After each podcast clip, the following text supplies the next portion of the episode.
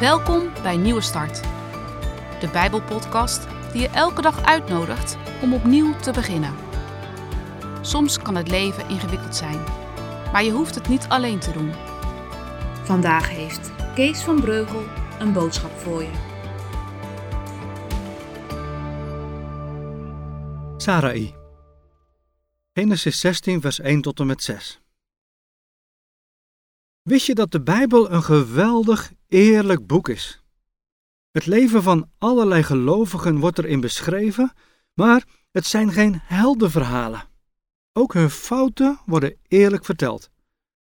Luister maar als we iets gaan lezen over Sarai, een van de bekendste gelovigen uit de Bijbel. Maar Sarai, de vrouw van Abraham, kreeg geen kinderen. Ze had een Egyptische slavin die Hagar heette. Sarai zei tegen Abram: Zoals je ziet, geeft de Heer me geen kinderen. Neem mijn slavin Hagar maar als bijvrouw. Als ze dan een kind krijgt, zal dat mijn kind zijn. Abram deed wat zijn vrouw zei. Zo gaf Sarai haar Egyptische slavin Hagar als bijvrouw aan Abram. Abram woonde toen tien jaar in Canaan. Hij nam Hagar als bijvrouw en Hagar raakte in verwachting. Toen ze zag dat ze in verwachting was, werd ze trots en ze begon haar meesteres te beledigen. Toen zei Sarai tegen Abram: Het is jouw schuld dat ze me steeds beledigt. Ik heb mijn slavin aan jou als vrouw gegeven en nu ze ziet dat ze in verwachting is, is ze trots geworden. Ze beledigt me en maakt me belachelijk. Hier moet je iets aan doen. De Heer weet dat ik gelijk heb. Abram zei tegen Sarai: Hagar is jouw slavin, doe met haar wat je wil. Toen behandelde Sarai Hagar zo slecht dat Hagar vluchtte. Dit is het woord van God.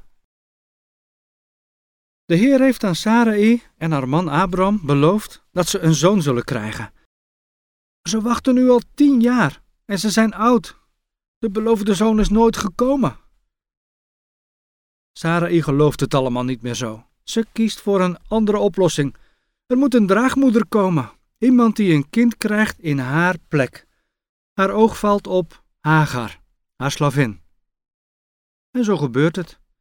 Abram neemt Hagar als bijvrouw en al snel raakt hij in verwachting. En dit zet alles op zijn kop in het gezin van Abram.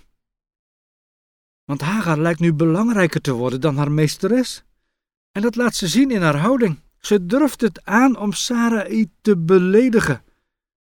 Niet één keer, maar elke keer weer. Sarai heeft al lang spijt van haar keus. Ze wil van Hagar af. Ze geeft Abram de schuld en vraagt hem om in te grijpen. En Abram kiest voor zijn vrouw. Ze mag doen wat ze wil. Sarai neemt wraak en behandelt Hagar zo slecht dat die de woestijn invlucht terwijl ze zwanger is van een kind. Wat een ellende. Wat kunnen mensen elkaar allemaal aandoen? Nou, Sarai komt er niet goed uit in dit stukje uit de Bijbel. Eerst lezen we dat ze God wantrouwt en zelf een oplossing kiest. Dan horen we dat ze Abraham de schuld geeft van alles. En tenslotte lezen we dat ze een kwetsbare zwangere vrouw op straat zet. Dat is heftig allemaal. Laten we hier twee dingen van leren. Allereerst dit: dat gelovigen geen volmaakte mensen zijn. Integendeel. De fouten die we in ons eigen leven zien, maken ons misschien wel eens moedeloos. Maar dat hoeft niet. De God van de Bijbel is genadig.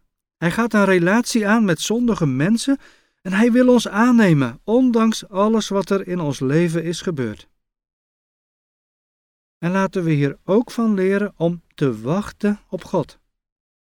Sarai koos haar eigen oplossing, maar er kwam ellende van.